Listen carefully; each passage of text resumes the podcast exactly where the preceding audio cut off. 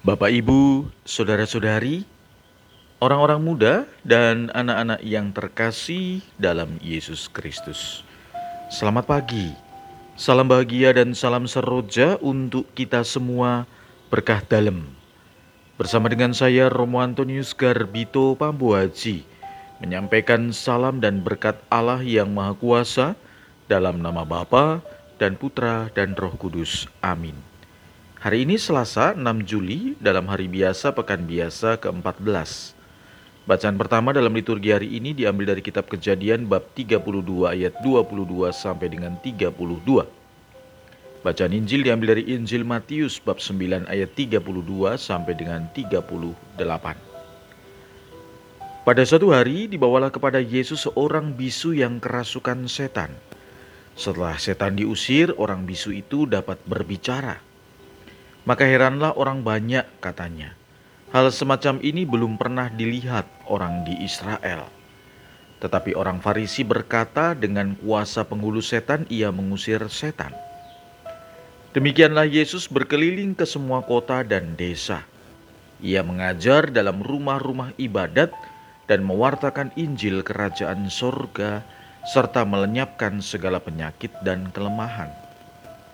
Melihat orang banyak itu tergeraklah hati Yesus oleh belas kasihan kepada mereka. Karena mereka lelah dan terlantar seperti domba yang tidak bergembala. Maka katanya kepada murid-muridnya, Tuayan memang banyak, tetapi sedikitlah pekerjanya. Karena itu mintalah kepada Tuhan yang empunya tuayan, supaya ia mengirimkan pekerja-pekerja untuk tuayan itu. Demikianlah Sabda Tuhan, terpujilah Kristus.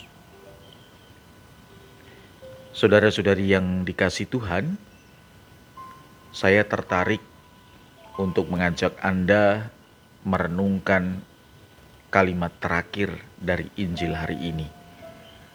Tuayan memang banyak, tetapi sedikitlah pekerjanya. Karena itu mintalah kepada Tuhan yang empunya tuayan, supaya ia mengirimkan pekerja-pekerja untuk tuayan itu. Saudara-saudari, ada dua arti yang saya mau ajak saudara-saudari untuk merenungkan kalimat ini. Yang pertama, jelas bahwa secara kontekstual menurut Injil, Sabda Tuhan hari ini ditujukan agar pewartaan Injil Kerajaan Allah terus-menerus dinyatakan dalam dunia ini. Seperti kita ketahui bahwa Yesus datang untuk mewartakan Injil Kerajaan Surga. Ia berkeliling ke semua kota dan desa, mengajar dalam rumah-rumah ibadat, melenyapkan segala penyakit dan kelemahan, semua itu dilakukan oleh Yesus karena ia berbelas kasih kepada mereka yang lelah, terlantar, dan menderita. Jelas bahwa kalimat tuayan memang banyak tetapi sedikit pekerjaannya dimaksudkan oleh Yesus untuk mengajak semua orang ikut serta dalam mengembangkan Injil Kerajaan Sorga dalam mengembangkan pewartaan kabar baik bagi mereka yang lelah, terlantar, lemah, miskin, dan menderita. Yang kedua yang bisa kita renungkan adalah sabda Tuhan ini dalam konteks kita saat ini mengajak kita untuk berbuat sesuatu. Artinya, saudara-saudari, seperti kita ketahui bahwa pandemi COVID-19 ini belum berakhir.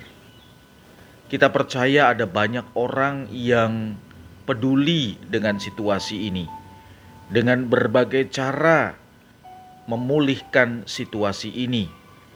Mereka yang bekerja sebagai tenaga medis, mereka yang bekerja di sektor pemerintahan, semuanya ikut berpikir bagaimana supaya pandemi ini segera berakhir.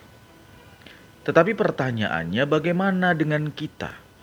Apa yang bisa kita buat terkait dengan sabda Tuhan hari ini dan dalam konteks masa pandemi ini.